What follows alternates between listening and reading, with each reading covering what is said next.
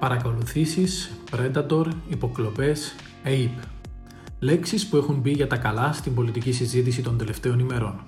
Αφορμή η καταγγελία του Προέδρου του Πασόκ Κινάλ Νίκου Ανδρουλάκη για απόπειρα παρακολούθησης του κινητού του τηλεφώνου την περίοδο που διεκδικούσε την Προεδρία του κόμματος.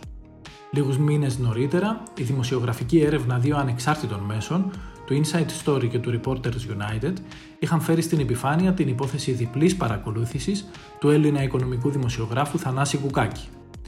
Σήμερα, στο Έθνος Podcast, συνομιλούμε με τον Θανάση Κουκάκη, ο οποίος μας εξιστορεί το χρονικό πλαίσιο της υπόθεσης, εξηγώντας μέσω ποιων οδών έφτασε η έρευνα στο υπερσύγχρονο λογισμικό Predator, αλλά και πώς η υπόθεση απόπειρας παρακολούθησης του Προέδρου του Πασόκ μπορεί να ξεκλειδώσει τις εξελίξεις του επόμενου διαστήματος.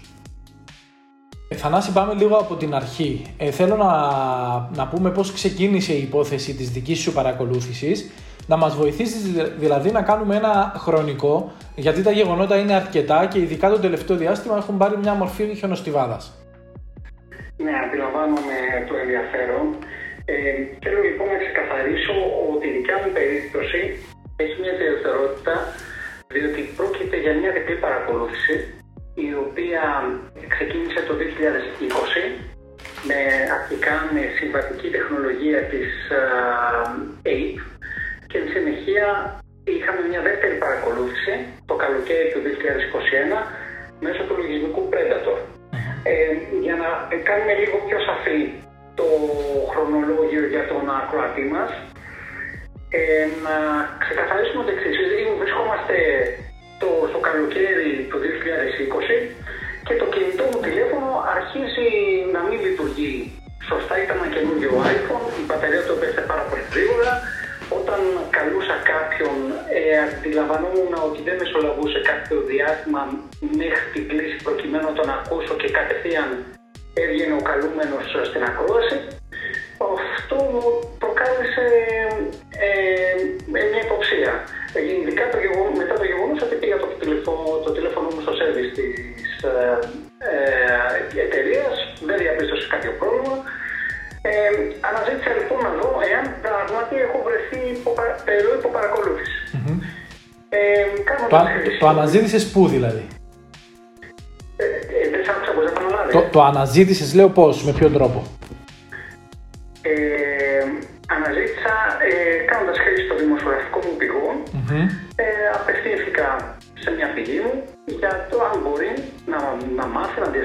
Το αν ε, τελώ υποπαρακολούθηση από κάποια κρατική υπηρεσία, είτε από την ΑΕΗ είτε από την ε, ασφάλεια. Mm-hmm.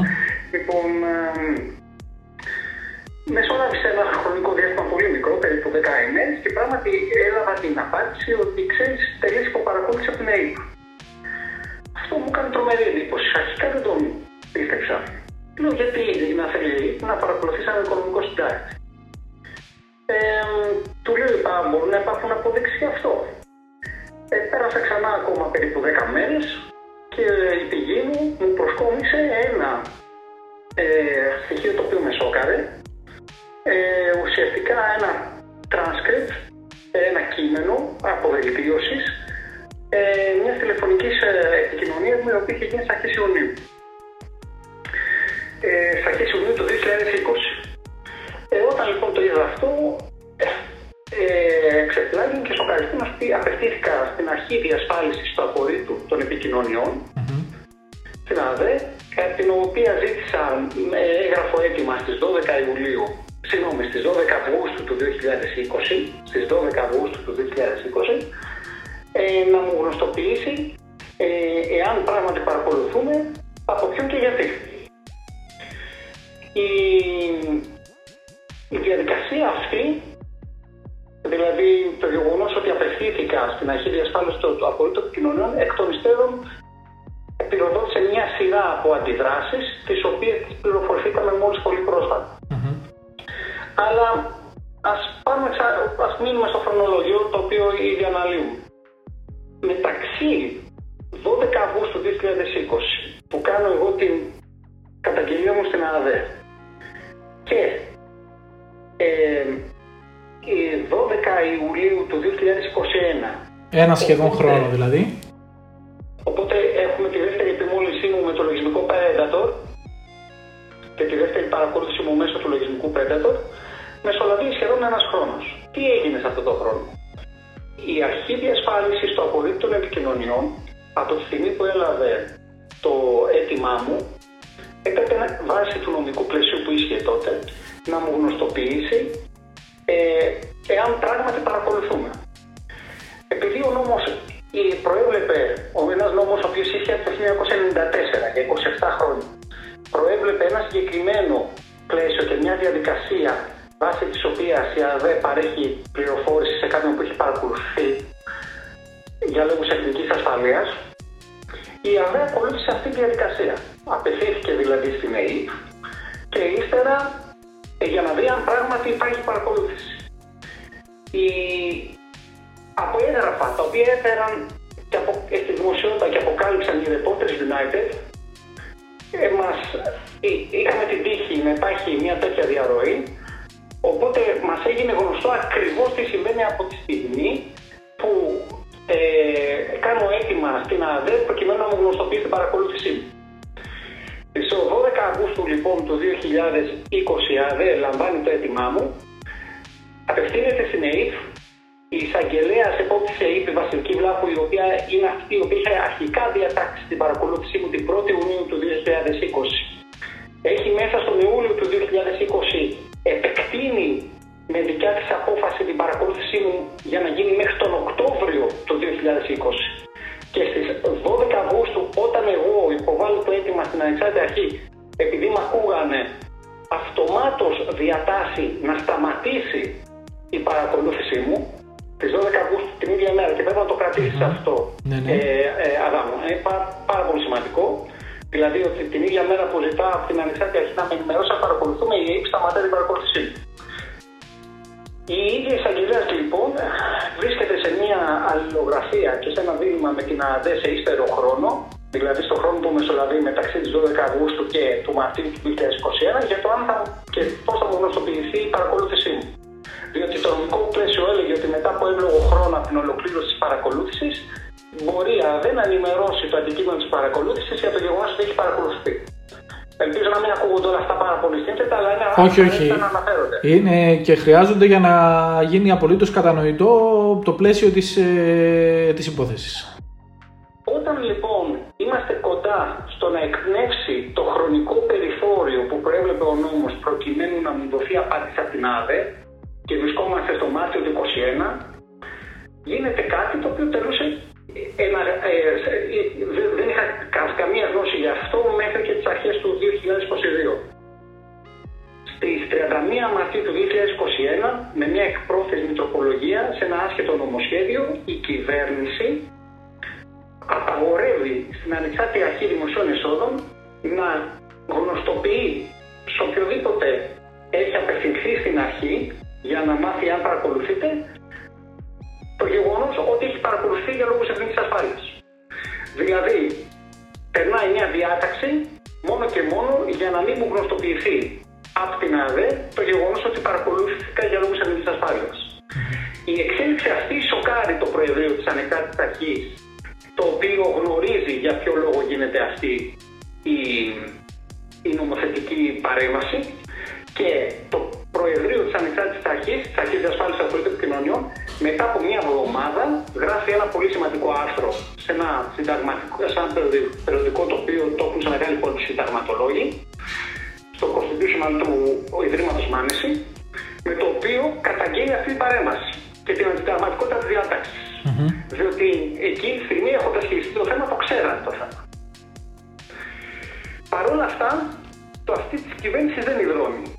Περνάνε τρεις μήνες σχεδόν, λίγο παραπάνω και στις 12 ε, Ιουλίου του 2021 λαμβάνω μέσω ενός SMS ένα link το οποίο αναφέρεται σε μια οικονομική είδηση. Δεν αξιολογώ λανθασμένα, δεν αξιολογώ το γεγονός ότι αυτός που μου το στέλνει δεν είναι αποθηκευμένος σε επαφές με το κινητό μου και το ανοίγω. Αυτό λοιπόν το link, το οποίο έλαβα στις 12 Ιουλίου του 2021, επιμόλυνε το κινητό μου με το λογισμικό Predator. Και εκείνη τη στιγμή ξεκινάει η δεύτερη μου παρακολούθηση μέσω αυτού του υπερσύγχρονου λογισμικού, το οποίο διαθέτει από την απλή συνακρόαση που κάνει μέσω της ε, μέσω των παρόχων της κινητής τηλεφωνίας, διότι το Predator είναι ένα λογισμικό το οποίο καθιστά αυτόν ο οποίος έχει επιμολύνει καθολικό χρήστη του κινητού σου, έχει πρόσβαση στην κάμερά σου, στις επαφές σου, έχει πρόσβαση στα email σου, έχει πρόσβαση στα SMS σου, έχει πρόσβαση. Θεωρείται το πιο προηγμένο σύστημα παρακολούθησης ε, που υπάρχει αυτή τη στιγμή. τα προηγμένα συστήματα mm-hmm. παρακολούθησης. Το Predator παραμένει ενεργό στο κινητό μου μέχρι τις 24 Σεπτεμβρίου 2021. Πώς το ξέρω αυτό; Προκύπτει από την έρευνα που έκανε στο κινητό μου το Citizen Lab του Πανεπιστημίου Τορόντο, το εξειδικευμένο τεχνολογικό εργαστήριο με την διεθνή το οποίο είναι αυτό ε, το οποίο πιστοποίησε και την επιμόλυση, την, την απόπειρα επιμόλυσης του κινητού του Νίκου Ανδρουλάκη Θανάση, ε, παρένθεση.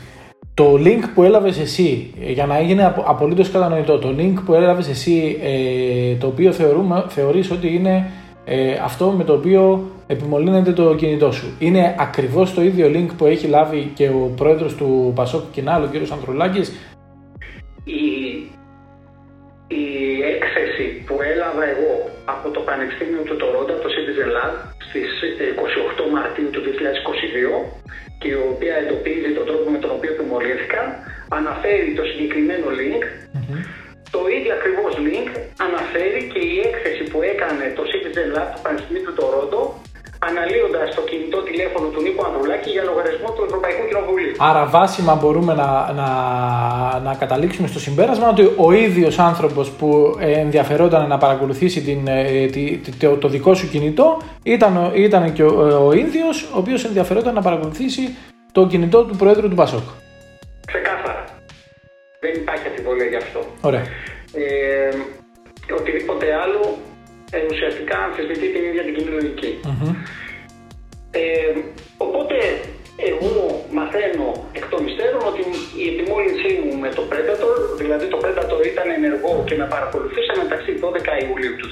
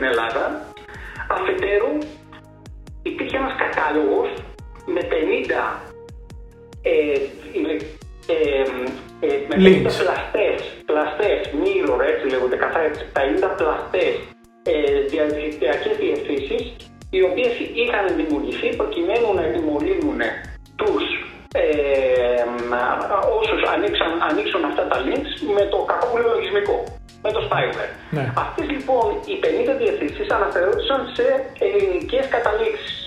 Σε αυτές διαβάζοντας το report διαπίστωσα ότι συγκαταλέγονταν ε, τρία site με τα οποία είχα συνεργασία. Το CNN το insider.gr και Hellas German. Όταν το διαπιστώνω αυτό και έχοντας βεβαίως ήδη σερμώσει το γεγονός ότι είχα παρακολουθεί το προηγούμενο χρόνο, ε, επικοινωνώ με τον David Agramovich, το συντάχτη της έκθεσης της ΜΕΤΑ και υπεύθυνο κανονιστικής συμμόρφωσης όσον αφορά τα κακόβουλα λογισμικά του, της Facebook, ο οποίος άμεσα με φέρνει σε επαφή με το Πανεπιστήμιο του Τωρότο και το Citizen Lab. Ξεκινάει λοιπόν έτσι μια διαγνωστική διαδικασία που διήρκησε περίπου 6 εβδομάδες. Το spyware εντοπίστηκε στα μέσα Μαρτίου και η έκθεση του Citizen Lab η οποία τεκμηρίωνε όλη την επιμόλυση και το ιστορικό της ήρθε στα χέρια μου στις 28 Μαρτίου. Με το που έρχεται στα χέρια μου κάνω νέα καταγγελία στην αρχή διασφάλισης των πολιτικών επικοινωνιών γνωστοποιώ το θέμα δημοσιοποιώντας το και ακολουθώ όλη τη θεσμική οδό, απευθυνόμενος στη δικαιοσύνη, καταθέτοντας μηνύσεις, ενημερώνοντας όλες τις αρχές ενδιαφέρθηκα και την εισαγγελία Αθηνών για το γεγονός της ε, επιμόνησής μου με το Predator. Θανάση, πριν, ε, πριν, πριν προχωρήσουμε στην, ε, στη συζήτηση, να βάλουμε μια παρένθεση και να πούμε για όσους δεν έχουν παρακολουθήσει την, την υπόθεση τόσο επισταμένα, ότι το συγκεκριμένο σύστημα είπαμε ότι είναι προηγμένο, όμως σύμφωνα με όσα λένε αυτοί που γνωρίζουν, δεν είναι απλά ότι είναι προηγμένο, είναι και πάρα πολύ ακριβό. και αυτό σημαίνει ότι το σύστημα αυτό μπορεί να είναι στην κατοχή μόνο είτε επίσημων κυβερνήσεων είτε ανθρώπων με μεγάλη οικονομική δυνατότητα. Σωστά ισχύουν αυτά που λέω; Ε, η ίδια, το ίδιο το report της, ε, του Citizen Lab αναφέρεται ότι μόνο κρατικές οντότητες μπορούν να υποστηρίξουν την αγορά αυτού του συστήματος. Mm-hmm. Οπότε εμείς δεκόμαστε σε αυτό που μας λένε οι αρμόδιοι φορείς, οι οποίοι παρακολουθούν συστηματικά τη βιομηχανία των spywares και ξέρουν ποιοι βρίσκονται πίσω από αυτά. Ωραία. Εσύ ε, λοιπόν. Σωστά λοιπόν, επιβεβαιώνω αυτό το οποίο λες. Εσύ λοιπόν προσφεύγεις τότε στην, ε, στην ελληνική δικαιοσύνη. Ε... Όχι, να ξεκαθαρίσω κάτι. Ναι. Στις, ε, στις 6 Απριλίου του 2022 κάνω την καταγγελία μου στην αρχή διασφάλισης του των επικοινωνιών και στις 10 Απριλίου του 2022 το Inside Story και η Λίστα Τριανταφύλου και ο Τάσος Τέλογου, εκλεκτοί συνάδελφοι, δημοσιοποιούν την υπόθεση ε, ε, και γνωστοποιούν ότι πράγματι ο Θανάσης Κουκάκης έχει πέσει στην παρακολούθηση μέσω του Predator. Την ίδια μέρα, στις 6 Απριλίου, συμβαίνει κάτι το οποίο ήταν αναπάντηχο. Με καλή στο τηλέφωνο μου η δημοσιογραφική ομάδα του Reporters United και μου ζητάει μια συνάντηση. Ε, πράγματι, συναντήμαι με τον ε, Νικόλα Τολεοντόπολο και τον Θοδωρή Χοδρόγιανο, οι οποίοι μου γνωστοποιούν ότι έχουν, είχαν στην κατοχή τους έγγραφα από την έρευνά τους, τα οποία αναφερόντουσαν στο χρονικό παρακολούθησης ενός δημοσιογράφου από την ΕΕΠ το καλοκαίρι του 2020, ε, αλλά δεν γνώρισαν σε ποιον αντιστοιχεί το συγκεκριμένο κινητό που τελούσε υπό παρακολούθηση η δημοσιοποίηση της παρακολούθησή μου από το Predator κατέστησε γνωστό στην ομάδα του Reporters United ότι τα στοιχεία που είχαν για την παρακολούθηση δημοσιογράφου από την ΑΕΠ το καλοκαίρι του 20 αφορούσαν στο δικό μου κινητό. Οπότε, οι λίγες μέρες μετά, το Reporters United ε, δημοσιοποιεί όλο το ιστορικό της παρακολούθησής μου από την ΑΕΠ το καλοκαίρι του 2020, φαίνοντα στη δημοσιότητα κάτι το οποίο είναι σοκαριστικό, όλες τις εισαγγελικές διατάξεις της, της ε, επόμενης εισαγγελίας της ΕΕ της Βασιλικής Βλάχου εκείνη της 1ης Ιουνίου με την οποία διατάσσεται η αρχική μου παρακολούθηση την ενδιάμεση του Ιουλίου η οποία ζητά να επεκταθεί η παρακολούθησή μου μέχρι τον Οκτώβριο του 2020 και τις 12 Αυγούστου την ευνίδια διακοπή της συνακρόασης της παρακολούθησής μου την ίδια μέρα που καταγγέλω την παρακολούθηση στην αρχή διασφάλισης των πρώτων κοινωνιών. Και εκτός από αυτό, το ρεπορτάζ των Reporters United παίρνει αποκαλύπτει το πώς ενεργοποιείται μια ε, ε, διαδικασία εντός της κυβέρνησης προκειμένου να τροποποιηθεί ο νόμος της ανεξάρτητης αρχής για να μην είναι σε θέση να μου γνωστοποιήσει μετά το πέρας της παρακολούθησης το γεγονός ότι είχα παρακολουθεί για λόγους εθνική ασφαλείας. Αυτά λοιπόν συμβαίνουν με, με ένα περίεργο τρόπο. Το high-tech σύστημα παρακολούθησης αποκαλύφθηκε δημοσιογραφικά πρώτο από, το, από την αρχική παρακολούθηση της ΑΕΠ, αλλά η αλληλουχία αυτή ε, ουσιαστικά ήταν μια ευλογία, διότι έδειξε ότι ε, αυτοί που με παρακολουθούσαν ήδη από το 2020, ε, ε, ήδη με παρακολουθούσαν και το 2021. Εσύ, εσύ λοιπόν τότε ε, προσφεύγεις στην, ε, στην ελληνική δικαιοσύνη. Ναι, εγώ ακολουθώ όλο το θεσμικό μονοπάτι. Κάνω και τρίτη καταγγελία με τον δικηγόρο μου, τον Ζαχαρία και σε την, ε, στην αρχή στο το επικοινωνιών, με μια, θέτοντα το ολοκληρωμένο πλαίσιο και θέτοντα όλο το χρονολόγιο που συστήσαμε ήδη εδώ. Εν συνεχεία στις 4 Μαου ε, καταθέτει το υπόμνημα στην ε, Εθνική Αρχή Διαφάνειας ε, η οποία ε, θα εξέταζε το αν το δημόσιο έχει, έχει προμηθευτεί το σύστημα από την Ιντελέξα, το σύστημα Predator. Εν συνεχεία ε, κατέθεσα σε θεσματοδίκη στον οποίο είχε ανατεθεί ε, να συλλέξει το υλικό με εντολή της προϊσταμένης εισαγγελίας ε, Αθηνών, αλλά δυστυχώς αυτή η διαδικασία είναι πολύ αργόσυπτη. Και στο τέλος του Μαΐου, ε, συγγνώμη, στο τέλος Ιουνίου, ε, υπέβαλα μήνυση κατά παντός υπευθύνων, στην οποία αναφέρω όλο το ιστορικό.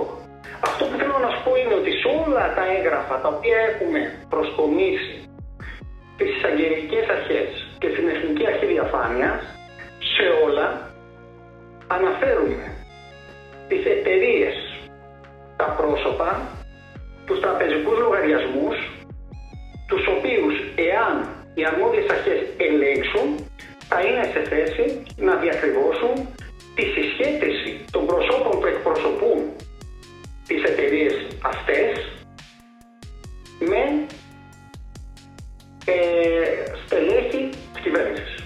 Ε, ε, Θανάση. Ήδη λοιπόν, α, ε, ναι, Πε, παρακαλώ. Ωραία. Ε, ε, πριν, πάμε, πριν πάμε σε αυτό, μάλλον ολοκλήρωσε αυτό και θέλω μετά να, να, ναι. να επανέλθουμε σε ένα, σε ένα ερώτημα ε, σε σχέση με την, με την περίοδο που γίνονται οι, οι, οι παρακολουθήσεις. Πάρα πολύ σύντομος ε, για να ολοκληρώσω αυτό που έλεγα. Ναι, ναι. Ε, προς αυτού, ε, μόλις πριν κάποιες εβδομάδες οι Reporters United μαζί με την εφημερίδα των συνταχτών δημοσιοποίησαν μια εξαιρετικά ενδιαφέρουσα ε, πτυχή της υπόθεσης που δείχνει πως ε, ουσιαστικά ο Γενικός Γραμματέας του Πρωθυπουργικού Γραφείου ε, σχετίζεται, συναλλάσσεται με πρόσωπα τα οποία έχουν εκπροσωπήσει την ε, Ιντελέξα και τα οποία συσχετίζονται με άλλη μια εταιρεία η οποία είναι προμηθευτής υλικού ασφαλείας του δημοσίου, την εταιρεία Κρίκελ, η οποία δεν την αναφέρω τυχαία. Είναι μια εταιρεία η οποία έχει 7 συμβάσεις με το ελληνικό δημόσιο ε, την τελευταία τριετία, οι οποίες οι 6 έχουν χαρακτηριστεί ως απόρριτες και από τις οποίες ο κύριος Γεραπετρίτης, ο, ο Υπουργός Επικρατείας, ενημερώνοντας την Επιτροπή Θεσμών και Διαφάνειας της Βουλής την προηγούμενη Παρασκευή αποκάλυψε την ύπαρξη μόνο μία.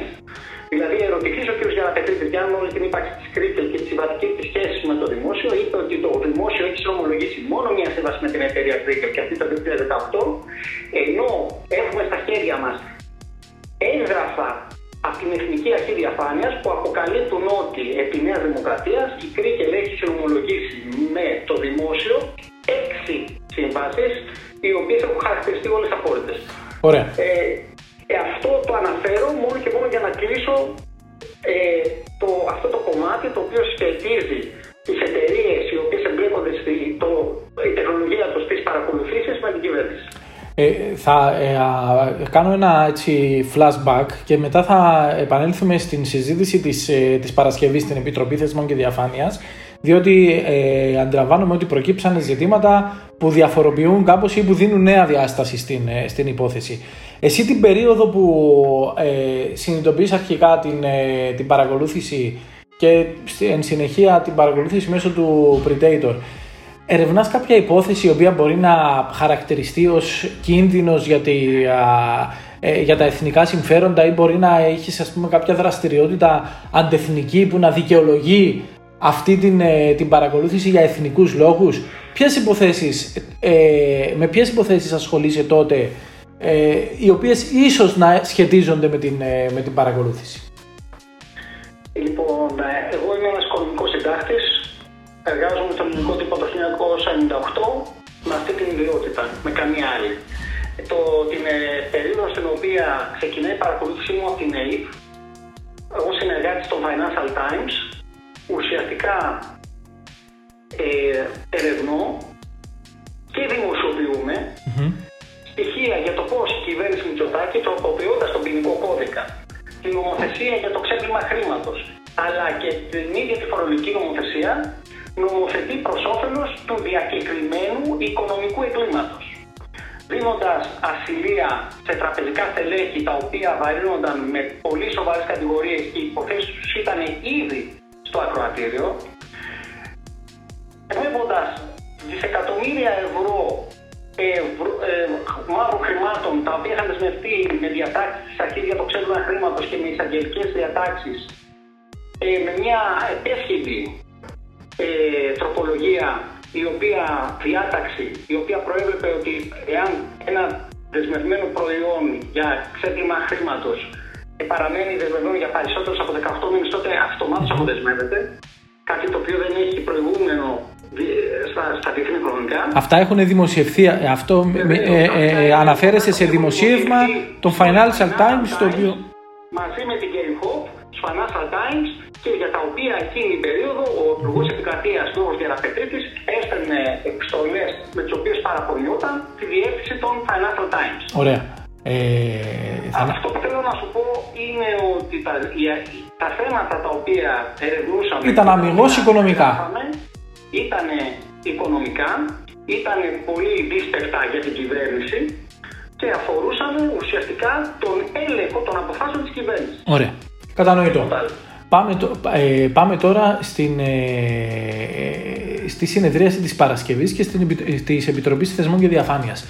Ε, πριν μάλλον ε, από, από τότε μεσολαβεί μια σημαντική ε, εξέλιξη η οποία αν καταλαβαίνω καλά διαφοροποιεί την, την κατάσταση. Ο κύριος Ανδρολάκης, ο πρόεδρος του Πασόκ, δημοσίως ε, καταγγέλνει ότι έπεσε θύμα, έγινε απόπειρα μάλλον, ε, παρακολούθησης του κινητού του με τον ίδιο τρόπο τον οποίο έχεις εσύ περιγράψει και καταθέσει και κινηθείς ε, νομικά ε, με όλες τις απαραίτητες ε, ενέργειες.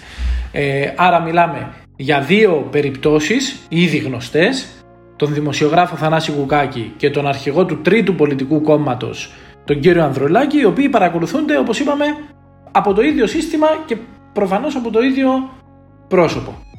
Ε... Να, να το διευκρινίσουμε στην περίπτωση του κυρίου Ανδρουλάκη, ο οποίος λειτουργήσε σωστά, έλαβε το SMS με την επιμόλυνση, το οποίο είχε το ίδιο ακριβώς link με το οποίο είχε σταλεί σε μένα τρεις μήνες νωρίτερα, αλλά εκείνος είχε τα αντανακλαστικά να μην το πατήσει εκείνη τη στιγμή. Σωστό. Δεν είχε την φυσική περίοδο που είχα εγώ. Σωστό. Οπότε η συσκευή του δεν επιβολήθηκε. Σωστό. Σωστό. Γι' αυτό, γι αυτό μιλάμε για απόπειρα. Ε, Έχεις δίκιο που το, που το διευκρινίζεις. Στην αρχή θεσμών, ε, στην Επιτροπή μάλλον ε, Θεσμών και Διαφάνειας, την Παρασκευή, φαίνεται ότι ο επικεφαλής της, ε, της ΕΕΠ προχώρησε σε μια παραδοχή που αφορά τη δική σου υπόθεση. Είπε λοιπόν, φαίνεται μάλλον να είπε, διότι να πούμε ότι η συνεδρίαση της Επιτροπής αυτής είναι κλειστή.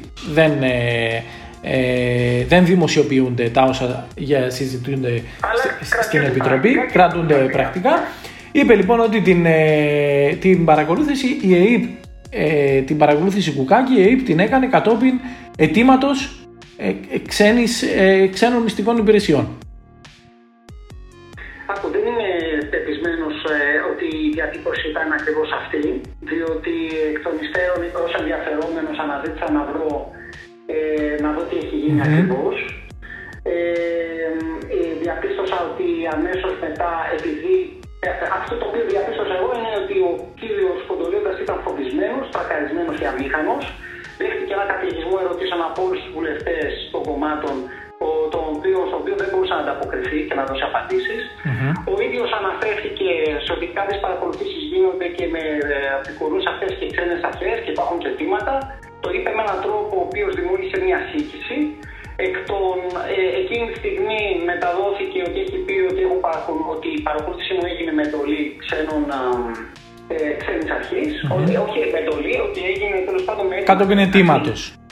Ναι, και εκ των ε, ζητήθηκε διευκρίνηση για αυτή η οποία αυτός ε, θεώρησε ότι την παρήχε, αλλά ε, εκ των υστέρων και αφού έχει ολοκληρωθεί η, η Επιτροπή και υπάρχει, ε, έχει ήδη γραφτεί στα, στις προσελίδες της ενημερωτικές το τι έχει πει, προκύπτει μια ενημέρωση άτυπη από την πλευρά της κυβέρνησης της Νέας Δημοκρατίας, η οποία λέει ότι ο κύριο Κοντολέοντας δεν ανέφερε αυτό περί αιτήματος ξένης αρχής και αυτό δεν εσταθεί και αποδίδεται στη μονταζιέρα του ΣΥΡΙΖΑ. Ωραία. Αυτό το οποίο λοιπόν αυτό το οποίο όμως είναι σαφές είναι ότι ο Παναγιώτης Κοντολέοντας, ενημερώνοντας την Επιτροπή Θεσμών και Διαφάνειας, παραδέχεται ότι είχαμε παρακολούθηση Ουκάκη.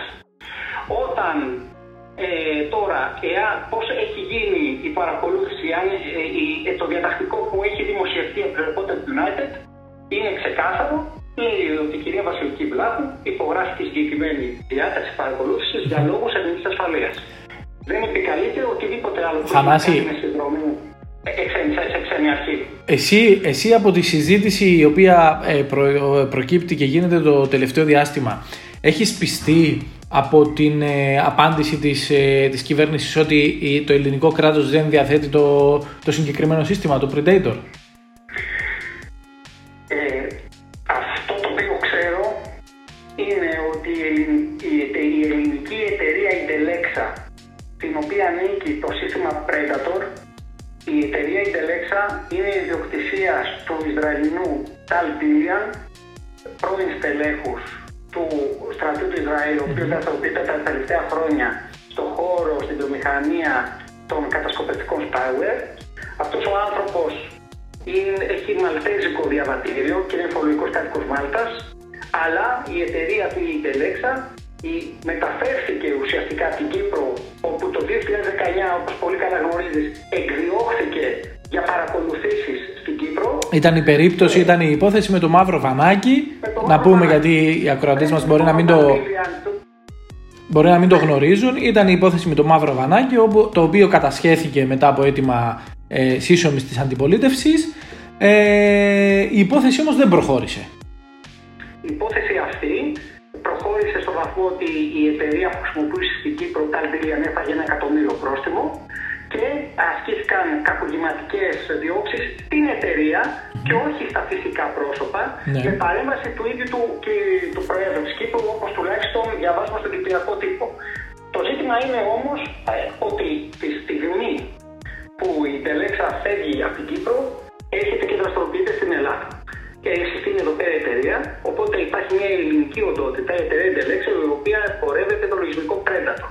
Αυτό το λογισμικό δεν το εμπορεύεται ούτε μια εταιρεία της Μάλτας, ούτε μια εταιρεία των Σκοπίων, της Βόρειας Μακεδονίας, ούτε μια εταιρεία της Τσεχίας, ούτε μια εταιρεία στον Τιμπουκτού. Το εμπορεύεται μια ελληνική εταιρεία η οποία μέχρι, μέχρι πρότινος ε, είχε έδρα στο ελληνικό και από τις 28 Ιουλίου έχει έδρα στην, ε, ε, στην, ε, στο Χαλάδρι, στο, στο ύψος της γέφυρας του ψυχικού στην Κυφυσία για να γίνουμε και πιο συγκεκριμένοι. Θανα, Θανάση, α, η εταιρεία αυτή έρχεται στην Ελλάδα, γιατί ε, ε, ε, αυτό πρέπει νομίζω να γίνει κατανοητό, έρχεται στην Ελλάδα αμέσως μετά ε, την, ε, την υπόθεση που προκύπτει στην Κύπρο, μεταφέρεται δηλαδή από την Κύπρο στην Ελλάδα; Βεβαίως. Και χρησιμοποιεί γι' αυτό έναν α, εκπρόσωπο, ένα πρόσωπο, το οποίο εκ των υστέρων διαπιστώνουμε ότι έχει και συναλλαγές με κυβερνητικά στελέχη. Είναι ένα πρόσωπο το οποίο έχει ευνοηθεί από την τροποποίηση του ποινικού κώδικα εκ μέ- από την κυβέρνηση της Νέας Δημοκρατίας, διότι αντιμετώπιζε διώξεις για σοβαρά ε, κακουργήματα. Και αυτό το πρόσωπο, ο οποίος είναι ο μεσάζοντας μέσω μιας κυπριακής του εταιρείας για να στεγαστεί η εταιρεία Ιντελέξα στην Ελλάδα, ε, είναι αυτό το οποίο η, όλη η ροή της πληροφορίας που έχουμε και τα δημοσιεύματα τόσο από το Inside Story όσο από το, και το Reporters United μας δείχνουν ότι σχετίζεται και με, κυβε- ε, με, με, με μέρος κυβέρνησης. Ε, αυτό το οποίο έχει σημασία να ξεκαθαρίσουμε εδώ είναι το εξής για να απαντήσω στην αρχική σου ερώτηση. Ο έλεγχος του spyware είναι, θα έπρεπε να είχε γίνει από την πρώτη στιγμή από τις ελληνικές αγγελικέ αρχές. Να είχαν μπει, να είχαν πάρει τους σερβερ, να είχαν να, να κρίνει το, το προσωπικό, να είχαν ζητήσει από τον ίδιο το μέτοχο και ιδιοκτήτη της εταιρείας να είναι εδώ και να τον ανακρίνει. Δεν είχε γίνει τίποτα από όλα αυτά από τον Απρίλιο που είχε αποκαλυφθεί η υπόθεση μέχρι σήμερα. Το μόνο που έγινε, μια συνάντηση ενός τριμελού κλιμακίου της Εθνικής Αρχής Διαφάνειας με τον δικηγόρο της εταιρείας και τον λογιστή της εταιρείας.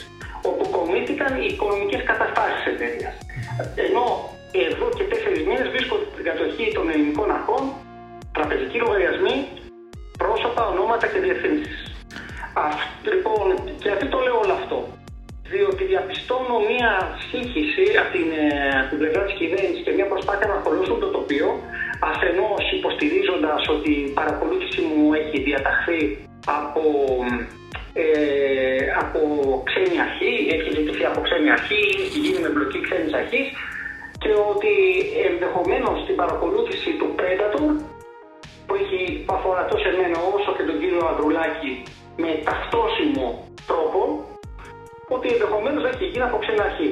Θεωρώ ότι όλα αυτά είναι κινήσεις πανικού, δείχνουν το πού ακριβώς, ε, το πόσο ε, μεγάλη ανησυχία επικρατεί μες στους κόλπους της κυβέρνησης ε, και αυτό που δείχνει βεβαίω, αυτό το οποίο όμως που πιστοποιεί την, την, την απροθυμία της κυβέρνησης να παρέμβει σε αυτό, είναι ότι δεν έχει πάει καμία αρχή, κανένας φορέας να κατασχέσει τους σερβερ, το μηχανισμό, να δεσμεύσει το μηχανισμό της, ε, και ε, τα μηχανήματα της Intellexa να κάνει έναν ουσιαστικό έλεγχο όπως τουλάχιστον έκαναν οι Κυπριακές αρχές όταν εντοπίστηκε το μαύρο βανάκι και πιστοποιήθηκε ότι παρακολουθούσε Κυπρίους υπηκόους και ε, άλλο, και άλλους υπηκόους ε, περί του αεροδρομίου της, να πούμε, ε, να πούμε ότι την ώρα που γίνεται αυτή η συζήτηση ε, έχει προκύψει η είδηση ότι ο Υπουργός Δικαιοσύνης, ο κύριος Κώστας Τσιάρας, επικοινώνησε τηλεφωνικά με τον εισαγγελέα του Αρίου Πάγου, τον κύριο Ισίδωρο Ντογιάκο, ζητώντας του, όπως έχει διανόμου το δικαίωμα, την κατά προτεραιότητα εξέταση των καταγγελιών ε, που σχετίζονται με το παράνομο λογισμικό παρακολουθήσεων. Αυτό έχει γίνει, αυτό έχει γίνει αυτή τη στιγμή. Ναι, η δικιά μου εμπειρία από αυτή την υπόθεση. Εδώ πέρα λοιπόν καταδεικνύεται πόσο μεγάλη ευλογία είναι το γεγονός το τονίζω ευλογία το γεγονός ότι εντοπίστηκε η απόπειρα επιμόλυσης στο κινητό του Νίκο Αδρολάκη, διότι όλα αυτά γίνονται κατόπιν της αποκάλυψης αυτής. Διότι από τις 4, ε, συγγνώμη, διότι από τις ε, 6 Απριλίου που εγώ κατέθεσα την καταγγελία μου στην αρχή διασφάλιση του απορρίτου επικοινωνιών μέχρι σήμερα, όταν εγώ αρχικά ήρθα σε επικοινωνία με το γραφείο του εισαγγελέα του Αγίου Πάγου του προηγούμενου, του κ. Πιώτα, προκειμένου να τον ενημερώσει για την υπόθεση. Αυτό έγινε στα, ε, στα μέσα Μαΐου, ο, από την πλευρά του κυρίου, ε, συγγνώμη, στα μέσα Απριλίου, χίλια συγγνώμη, στα μέσα Απριλίου, από την πλευρά του κυρίου Πιώτα, ε, με, με παρέτευσαν στην εισαγγελία πρωτοδικών, ε, η οποία εδώ στο εμπαρόδο δεν είχε αρμοδιότητα, διότι τις α, διατάξεις για τις παρακολουθήσεις της υπογράφει εφέτης εισαγγελέας, αλλά αυτό είναι μια τεχνική λεπτομέρεια. Όταν λοιπόν εκ των υστέρων πήγα σε θεσματοδίκη, κατέθεσα όσα γνωρίζω τα πλαίσια της ε, διερεύνησης της εισαγγελίας πρωτοβικών Αθηνών, αφού πρώτα υπήρχε τρομερή αντίδραση από τις δημοσιογραφικές ενώσεις εντός και εκτός Ελλάδος, από τα διεθνή πρακτορία, το Reuters, ο, ο πολλέ μεγάλε ιστοσελίδε του εξωτερικού, ε, διότι το θέμα στα εγχώρια μίδια δεν ήταν προβεβλημένο, αλλά καθένας επιλέγει το τι θέλει να προβάλλει και τι όχι στα ελληνικά μίδια. Ε, Παρ' όλα αυτά, ο εισαγγελέας ο προηγούμενος του Αριού Πάγου δεν έκανε τίποτα. Και παρόλα αυτά και η κυβέρνηση δεν έκανε τίποτα. Με το που αποκαλύπτεται όμως η πτυχή της παρακολούθησης του Νίκου Αδρουλάκη, η οποία πλέον έχει τεράστιες διαστάσεις γιατί πρόκειται για το τρίτο κοινοβουλευτικό κόμμα και για έναν ενεργή ευρωβουλευτή, η κυβέρνηση ε, ε, δεν είχε τι άλλο να κάνει παρά αναγκάστηκε να, κάνει, να, να κρατήσει τους τύπους. Γι' αυτό το λόγο και έβαλε και αυτή την και Διαφάνειας λίγο πριν κλείσει η Βουλή για τις ενέργειες διακοπές και γι' αυτό τώρα κάνει αυτή την, αυτό το χειρισμό και αυτή την ενέργεια ε, ζητώντας από τον εισαγγελέα του Αρίου Πάγου, τον, τον νέο εισαγγελέα του Αρίου Πάγου, τον Ισίδωρο Ντογιάκο, που θα παραμείνει τη θέση του μόνο για ένα χρόνο, να το τονίσουμε αυτό, να διακριβώσει το τι ακριβώς συμβαίνει. Πάντως είναι. Συγγνώμη, συγγνώμη,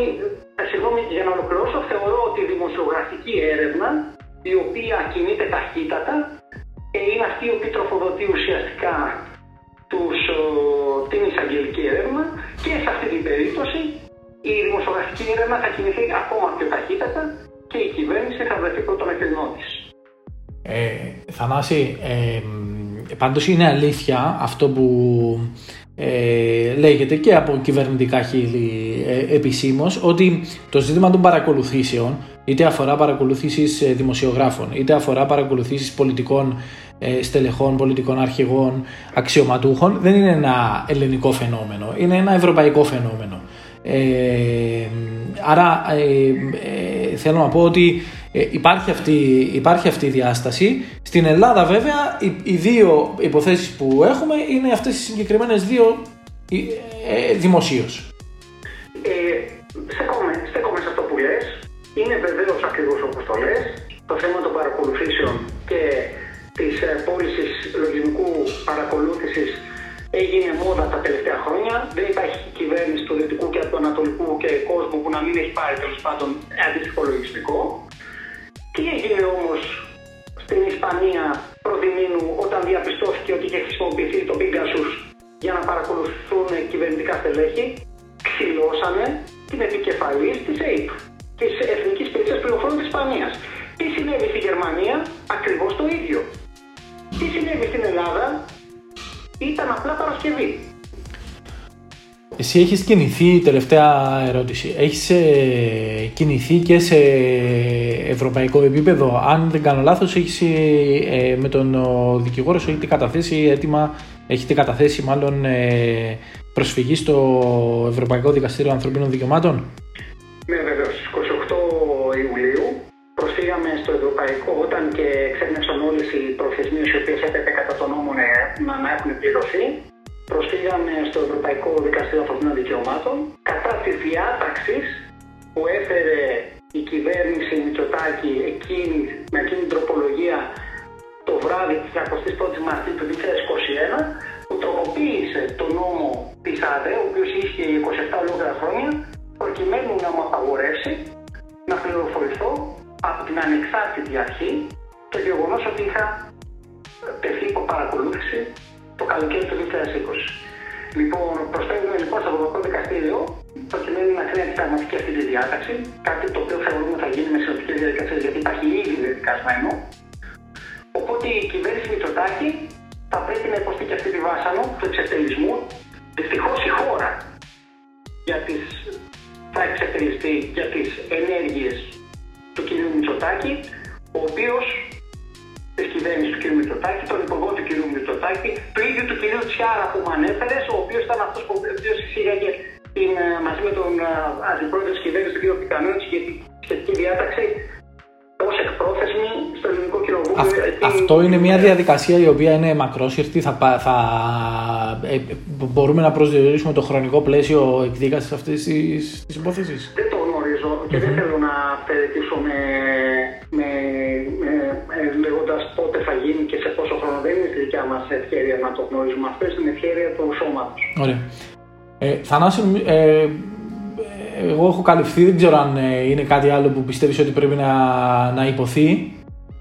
Εγώ αυτό το οποίο θέλω να ξεκαθαρίσω είναι ότι ο, η υπόθεση Ανδρουλάκη αναβάθμισε τη δημοσιογραφική έρευνα, σε έδωσε νέα πνοή και είμαι σίγουρος ότι στο προσχέ διάστημα αυτός ο Αύγουστος θα είναι πολύ καυτός, ο Σεπτέμβριος θα είναι ακόμα πιο καυτός και είμαι σίγουρος ότι θα υπάρξουν πολύ σαφείς αποκαλύψεις για πολιτικά πρόσωπα, για φίλους κολλητούς, για μαγαζί και παραμάγαζα, τα οποία θεωρούν ότι ε, παρακολουθώντας δημοσιογράφους, πολιτικούς και απλούς ανθρώπους, ε, μπορούν να κάνουν τις δουλειές τους ανενόχλητους.